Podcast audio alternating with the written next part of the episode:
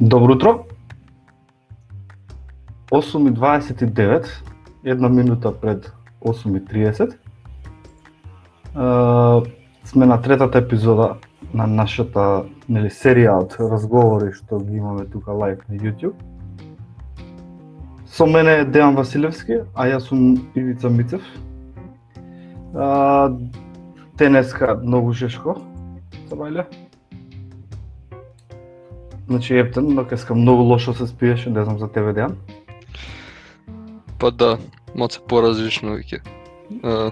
почна малце по, по, пожешки денови да идат. Да, оние Како што спадни се. доликува на јули. Да. Значи, овие разговори, како што кажав, ги тераме тука на живо на YouTube, но звуков се дистрибуира на подкаст мрежите и тоа. На Anchor FM, Breaker Audio, Overcast FM, radiopublic.com и на Spotify. Тоа што минатата епизода Дејан спомна, од минатата недела имаме Spotify, конечно не мора да користиме VPN-и надвор нека за да се слушаме добра музика и подкасти секако. Убав летен ден, многу жежок. Да не должиме многу, само сакам да ви кажам дека е, ова утро сум со cold brew кафе, ладно цедено, од Дабов. Сам да им заблагодарам што го носат на кафе, нашиот дрип кафеджи. А, од вчера почна да оперира и онлайн а, coffeerepublic.mk. Може да го побарате на Facebook и на на YouTube и да се порачате онлайн. А, до сега што имам пробано, најдобри, најдоброто specialty Coffee. Поздрав дечки, фала што постоите. А, јас нема да да должам многу, ќе му оставам Дејано има интересна тема, ќе збори на IoT со AWS. Има многу промени во овој сервис и многу станува актуелен во последно време. Така што Дејан go ahead. Фала Ивица. Здраво дечки.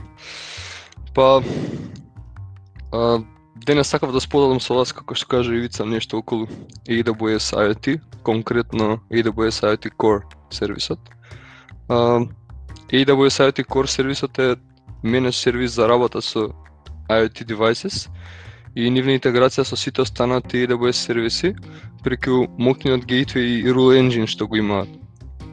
IoT Core а, е основниот сервис на IoT во AWS, зашто? Па, бидејќи овде ги регистрираме сите уреди со кои работиме, а, лично се запознав со овој сервис конкретно пред околу 2 до 3 години.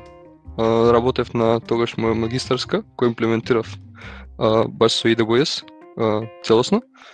Може да кажам дека ми беше главен сервис во принцип и го искористив за да праќам податоци од еден Raspberry Pi уред. А, зашто AWS IoT Core а, супер сервис? Како што кажав, има одличен device gateway кој овозможува интеграција со огромен број на, се, на сервиси. Меѓу нив е и а, Lambda секако главниот а, compute serverless а, сервис на AWS. А, тука со различната предност на овој овој сервис за разлика од можеби останати IT cloud вендори, барем а, тогаш пред две до три години имаше многу подобра интеграција со сите останати сервиси кои што ги нуди AWS да за разлика од конкуренцијата.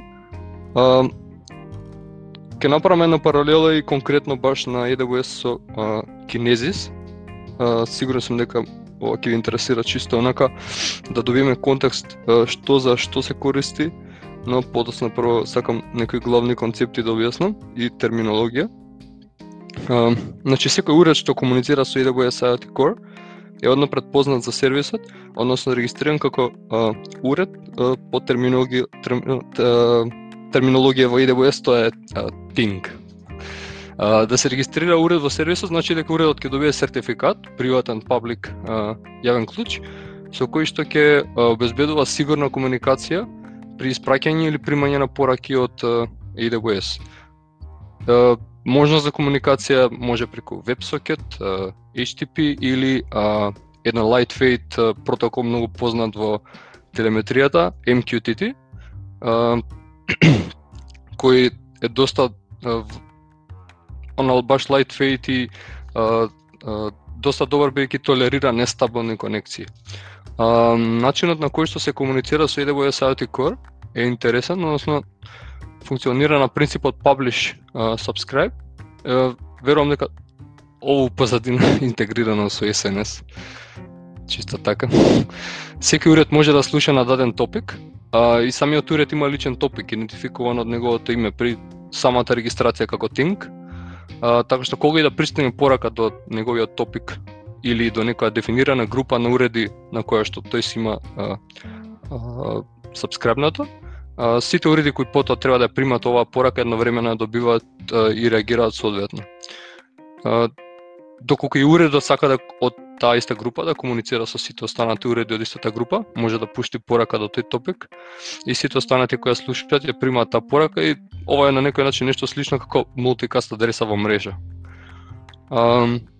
Постои опција за доделување на jobs, односно уредот да добива информација дека треба да направи некаков джоб, најчесто ова се користи за да се информираат уреди дека има софтвер апдейт, например, доколку се менаџираат такви уреди од AWS и кога ќе се преземе стейтот од AWS уредот кој што доби информација дека има некој джоб за него, во случајот софтвер апдейт, автоматски се презема новиот код од S3 и се прави апдейт на на софтверот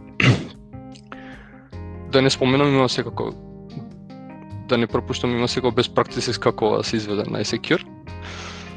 Uh, го споменав Device Gateway, важно е дека се што стигнува во AWS IoT Core директно оди на Rule Engine, каде освен тоа што секоја порака која се праќа на даден топик, секој кој случај на тој топик може да ја слуша директно, потоците од истата порака и се пренасочуваат кон безброј AWS сервиси со дефинирање на дадени rules, правила. Како функционираат овие rules?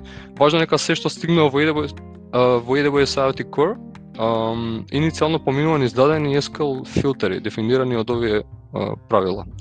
Односно, замислете, дека имаме сега, како пример чисто, да видите контекст, имаме Raspberry Pi уред кој е врзан со IoT Core и, например, има сензори за температура и испраќа податоци за температура на воздухот на секои 5 секунди.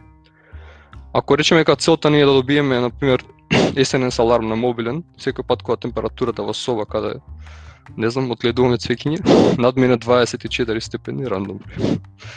Имплементацијата е следна. Наместо да испраќаме податоци, потоа да дефинираме правила кои ќе ги препрати потоците на ламда, каде ќе имаме нели кастом логика, па таа да утврди дали е алармна состојба или не, па да го проследи тоа понатаму со SNS.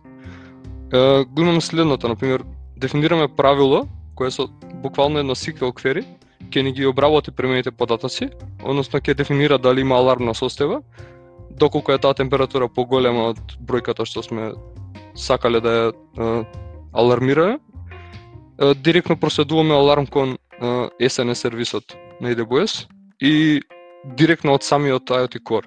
Значи, избегнуваме понатаму е, проследување downstream кон останати сервиси без без потреба има останати опции исто така.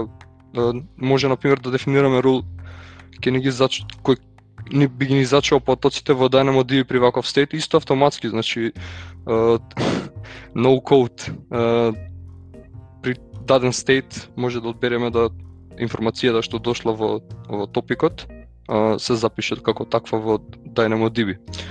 Е сега тука една од разликите во очливи измеѓу AWS Site и кори кинезис верувам некој кој е позапознат во овој домен, а, може би се праша зошто која е корелацијата измеѓу нив два, па кинези се сервис кој што директ, во кој што директно правиме стриминг на реал тайм податци. А сакаме потоците да стигнат какви што се, без без чистење, без филтрирање или едноставно имаме веќе очистени податци, како такви ги стримаме. Или едноставно не се потребни, неисфилтрирани и некаква како поинаква анализа. А, знаеме дека кинези се користи нели во телеметрија и директно стриминг на подачи таму. А, за разлика од тоа во IoT Core преку овој сиквел а, во правилата што ги а, споменав, имаме директно филтрирање на податоци кои ни се потребни понатаму, значи при самото нивно пристигнување, а потоа проследувањето на сервисите надолу може да оди а, исто и исто така може да се пренесат и кон Kinesis. Класична имплементација за да сватиме дека ET Core може би баш сервисот кој доаѓа пред кинези во еден data flow. Во случај доколку сакаме да работиме со Kinesis, да ги очистиме потоците од телеметријата на овој начин, одиме со сценариото така, како што реков, креираме правило да не ги филтрира со едно SQL query, ќе ги запише во DynamoDB потоците. DynamoDB е може би не споменав, uh, NoSQL база во AWS, Managed Service. Uh, потоа во DynamoDB може директно да едноставно активираме Kinesis Stream Adapter, кој ќе ги директно стрима од DynamoDB во Kinesis. И потоа го добиваме е, следниот дата флоу кај што има буквално дата стриминг податоци во во Kinesis, но со автоматски е, филтрирање, автоматско филтрирање. А, друга разлика во однос на Kinesis е тоа што некои IoT уреди можеби не се толку мокни да да работат со Kinesis Client Library за да за да испраќаат податоци директно во Kinesis. Од друга страна MQTT е многу полајтвиот протокол за нив, отколку да го извршуваат кодот за да комуницираат со Kinesis. И следно како што веќе кажав IoT Core работи на принцип на сертификати, клучеви за а, безбедна конекција, така што комуникацијата е многу по а, многу по безбедна. И интеграцијата на IoT Core кон сите останати сервиси е многу поедноставна Кога Kinesis, мислам, во однос на самите опции, знаеме, палетата на сервиси е поширока, за разлика од кај Kinesis Firefox и Kinesis Streaming, а, се знае кон кои сервиси може да да комуницираме, тие се нели класично или за компјут, ако поврземе ламди во ламди EC2 може би за да се процесира нешто, но обично целта ни е да ги префрлиме во нека база, Elasticache, EMR и слично. А, како што кажав, уште еднаш real-time engine може да филтрира податоци директно пред да ги прочита до другите сервиси. Тоа е главната разлика во однос на а, тоа што е во однос на Kinesis. Да, најме може во Kinesis да директно активираме ламда функција која што ќе ни го направи тоа при процесинг на потоците, но ова е многу поедноставно автоматско чистење. А, е многу добар фичер е исто е, концептот на shadows. Е, односно замислете дека има апликација која постојано захтева да го има стейтот од секој од овие уреди, што доколку даден уред ја изгуби конекцијата до IoT Core. А, во тој случај секој а, think има свој shadow а, и shadow а, неговиот shadow е представен како посебен топик, така што доколку уредот не е лайф, односно не е поврзан активна комуникација со IoT Core, а, неговиот shadow е репрезент на неговиот последна, неговата последна состојба. Го представува уредот исто како да е во реална комуникација со IoT Core, а, баш seamlessly.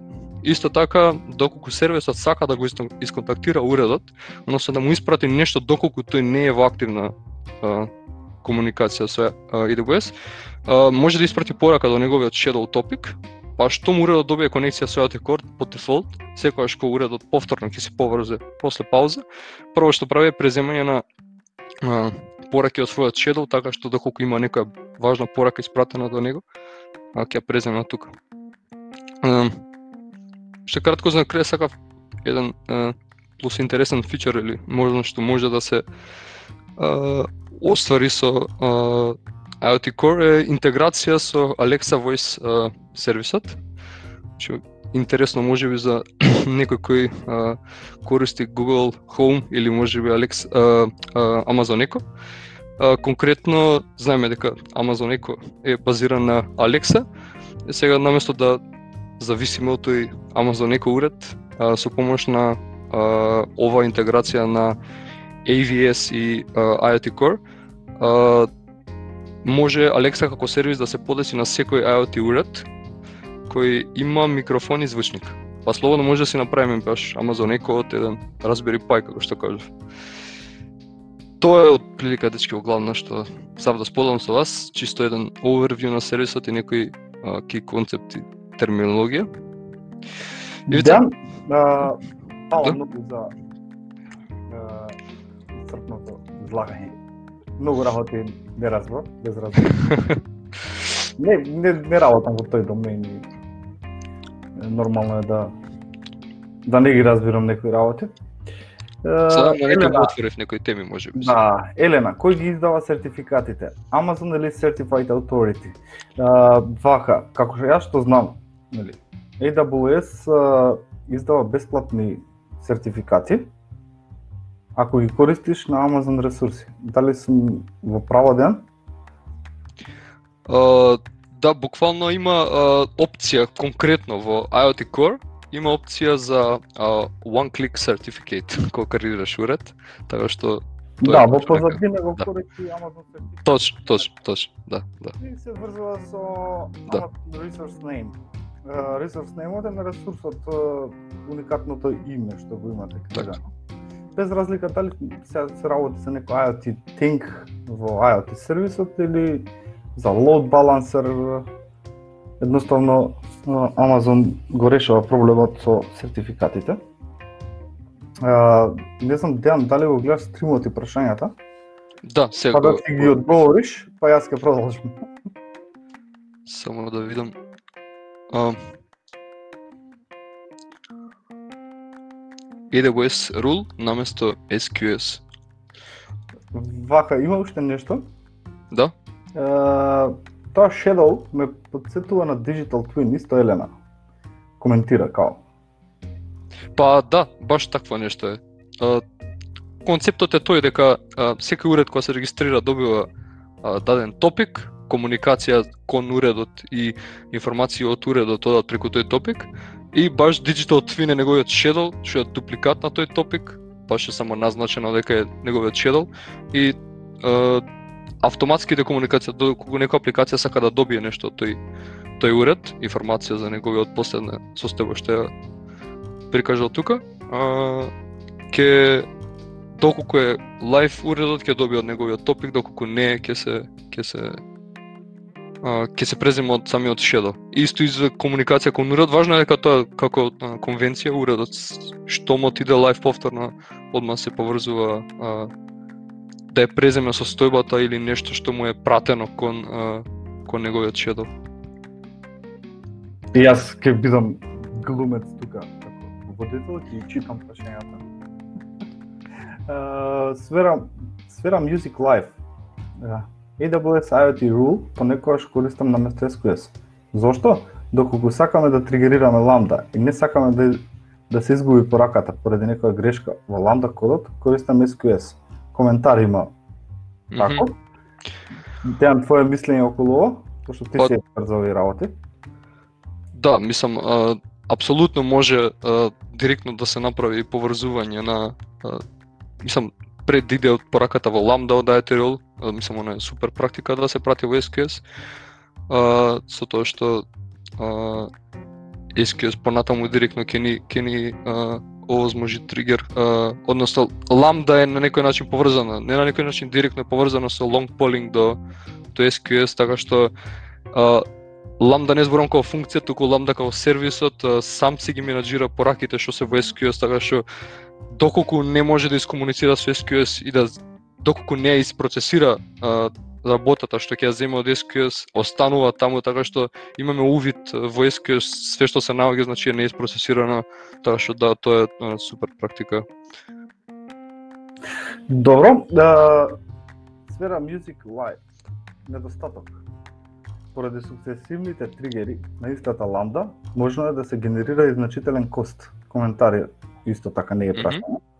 Мгм. Па контракоментар или согласување од твоја страна? Па, а, а освен ако нема стварно а, претеран, а, зборам претеран, тоа е над милиони извршување, десетици, стотици милиони. Оно баш а, самиот тригер на ламдата и е најмалата грижа во однос на костот. А, пак зборувам, значи, во однос на мал број, не, не толку огромен број на извршување од ранг на десетици, стотици милиони, али а, тоа што е поважно е а, самото извршување, така што доколку имаме ламда што ја пуштаме и она брзо паѓа, ако има не знам некои проблеми, или ако тоа не е проблем, тоа не е страшно, нема да ги сгенерира некој кост, али самото извршување не е толку страшно. Uh, сфера Music Live. Доколку не ни е битно дали ќе се изгуби пораката, поради грешка во ламда кодот, користам IoT Topic, Да. да. тригерирам Lambda. Тоа е еден Да, коментар. да, да. Во согласен со првото што е, да, да. Да. Сфера Music Life, јас те повикувам а, да ми пишеш дали некаде на било кој канал, ако сакаш да зборуваш со мене, за да продолжиме традицијата околу Ламда и тие некои нинџески Да би било супер. работи, да из дискутираме на одредена тема, да ни споделиш со какви чудовишта се бориш секојдневно. Би било супер и би ти бил многу благодарен. Јас лично и целата заедница. Ти благодарам на коментарите. Ѓорги Ташовски, Ташковски, па добро, кажи дека си ти. Јас не ви ги знам. Е, никнеймите на, на вакво, на, на YouTube. Ама како и да е, супер. Ако си Ѓорги Ташковски, тогаш може би ќе се слушнеме во петок. Веќе сме во преговори јас и ти. Да, интересни се овие теми, мислам дека а, Да. А, ќе биде убаво да продолжиме да дискутираме. Океј, Гонзо Гев, поздрав момци, поздрав и за тебе. Елена, фала Ивица и фала на зборите, фала и на тебе Елена. Гонзо се поправува и девојки, секако и девојки. Познато ми е ова од прошлиот пат. Да, да, би сакал, нели, а, да ги читам овие коментари сите, да не, да не испадам дека ги Да, да. А, јас ќе продолжам малку со некои нови работи. Имам некој си subscription за најновите работи што ги објавува AWS. Издвоив неколку, многу се, што за оваа недела. А, првата што сакам да ви ја кажам е за DevOps нинџите кои што работат со контейнери и ECS. Uh, Amazon ECS announces AWS Copilot, a new CLI to deploy and operate containers in AWS. Ова звучи интересно. И тие што менаџираат контейнери на ECS ќе можат преку CLI да прават операција на отворено срце. Така што прогуглајте, видете може да биде интересно. Исто, Amazon SES announces increased service quotas. Не го кликам линкот. Знам, мислам, не се сеќавам од колку беа тие сервис квота, само сега се зголемени. Дел нешто врска со со твојата тема има некоја новост. Uh, AWS IoT Sidewise is now generally available. Не знам дали имаш читкано, видено што се случува, како се случува. Но јас како што го изгледав тоа видеото, некој не можам, мислам никој не може да ги следи сите нови работи. А, ова нешто со plants, поставуваш уред, ти мери температура на почва, температура на некои чуда, влажност, ти испраќа реал тайм. Нешто слично што тоа ти што го збореше. Некој коментар околу тоа? А, конкретно за Sideface, па баш искрено не сум запознат.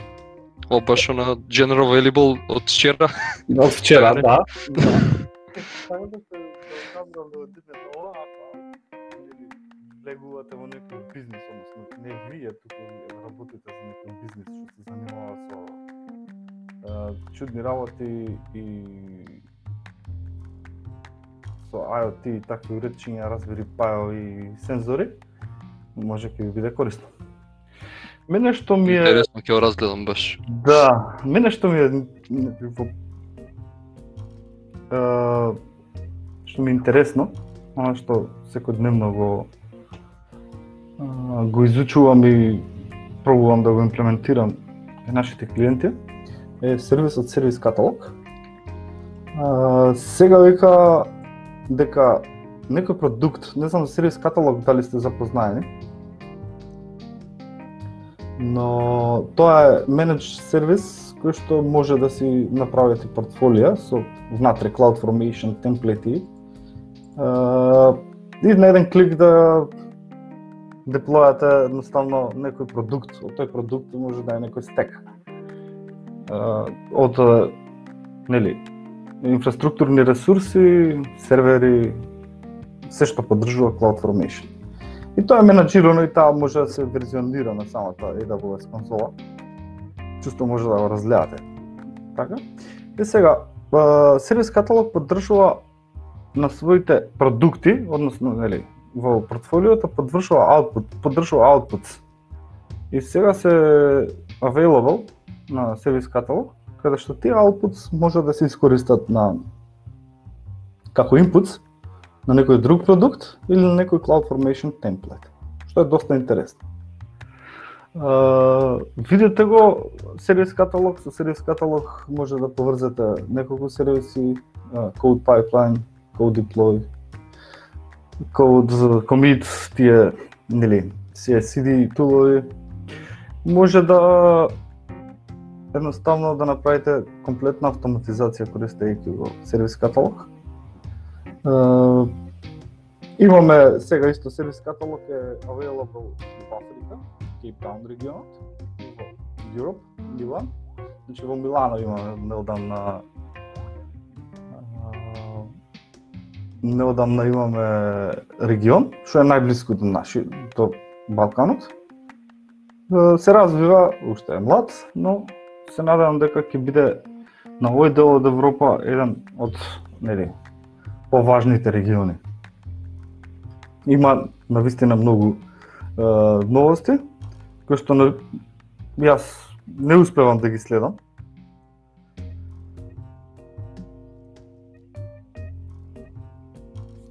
Тоа би било од моја страна. Овој подкаст ќе биде релативно пократок од, од предходниот. Уште еднаш ви повикувам ако имате желба да, да зборите со нас, со мене, со уште двајца, со уште тројца, ако имате некаква дискусија што би можела да развиеме тука, ве повикувам да контактирате на било кој канал. И би организирале вакво петок во 8.30. Добри пораки добивам за оваа иницијатива, ке трет пат поред го правиме. Барем уште еднаш или уште два пати да направиме, па да направиме една мала пауза. Додека нели се соберат теми.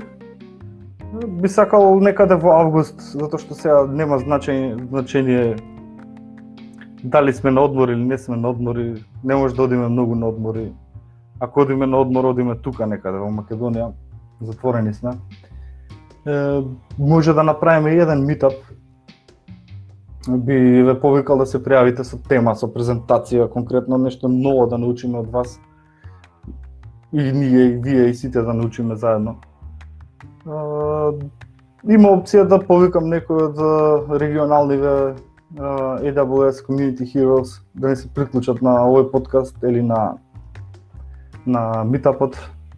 Во контакт сме со балканските, нели, тука наши блиски heroes и community leaders кои што се спремни секогаш да скок, да да скокнат, да да кажат нешто ново, да кажат со какви мечки се борат кај нив во нивните компании кај што работат.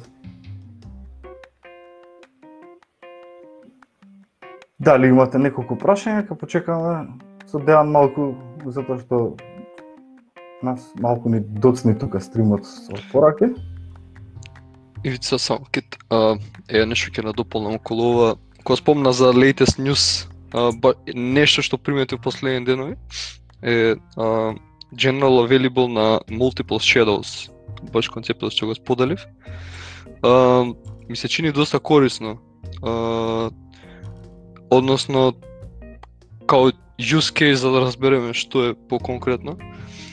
Доколку имаме а, апликација која има потреба да знае некои вредности на еве како што кажав температура на воздухот која измерил Raspberry Pi, а друга апликација може да сака да тракира движење од неговите сензори. И сега, ако последната состојба негова ги содржи сите овие, например, информации, наместо да секоја од различни апликации кои имаат потреба да комуницираат го комуницираат целиот овој стейт, цела состојба со сите информации. А, не е баш корисно. со концептот на multiple shadow се остварува а, можност да во секој различен шедол се дефинираат подгрупи на а, состојби, односно информации што се потребни само за а, а, посебни специфични домени, така што секоја апликација би го повикала овој свој shadow topic и со тоа се призвикува некој офлоуд на тој главниот. Тоа што нека чисто корисно. Тоа е супер. Е вака детекна текна на крај. Да, баш кога спомена за ова latest news ми ми текна дека читав за. Супер. Е, не знам како звучиме. Ние користиме баш на фри алатки и ефтини слушалки. Обични компјутери за ова. А, но од AWS а, имаме store кој што ни дозволува да си порачаме некои работи како стикери и ни до сега имаме можност да порачаме некои микрофони што се полупрофесионални на пат кон Македонија. Ќе искористиме за овие подкасти, да звучиме малку подобро. За митапов чекам да се пријавите за да организираме митап, Да бидеме во тек. Ви благодарам што бевте со нас во петочно совајле. Кафе Републик и Дрип кафе, чекајте ме, денеска ќе поминам да си купам кафе. Ова не е реклама. Не, мислам любимите другарци. дечки, Етиопија шакисо. Премајте ви 200 Така да, ви благодарам, се гледаме наредниот петок со нови говори, нови луѓе што што би говореле. Се надевам и не ние повторно. Да, Дејан ти благодарам. Втор пат се вклучуваш со мене, ме извади овој пат. Никој не се пријави, односно се пријави, се откажа. Па, тоа би било за денес. Имате убав викенд. Одете некаде на езеро. Помалку пиво ладно. Повеќе топло пиво. Да не ве фати грлот и промаја да ве скине. Поздрав за сите. Доколку сакате да не ме слушате мене на следните подкаст, пријавете се со говор. Да. Дејан, ова, јас мислам дека сакаат тебе да. Или ако сакате да ме слушате мене, пишете. Океј, okay, поздрав, да не ве држи на многу Чао дечки, поздрав и од мене.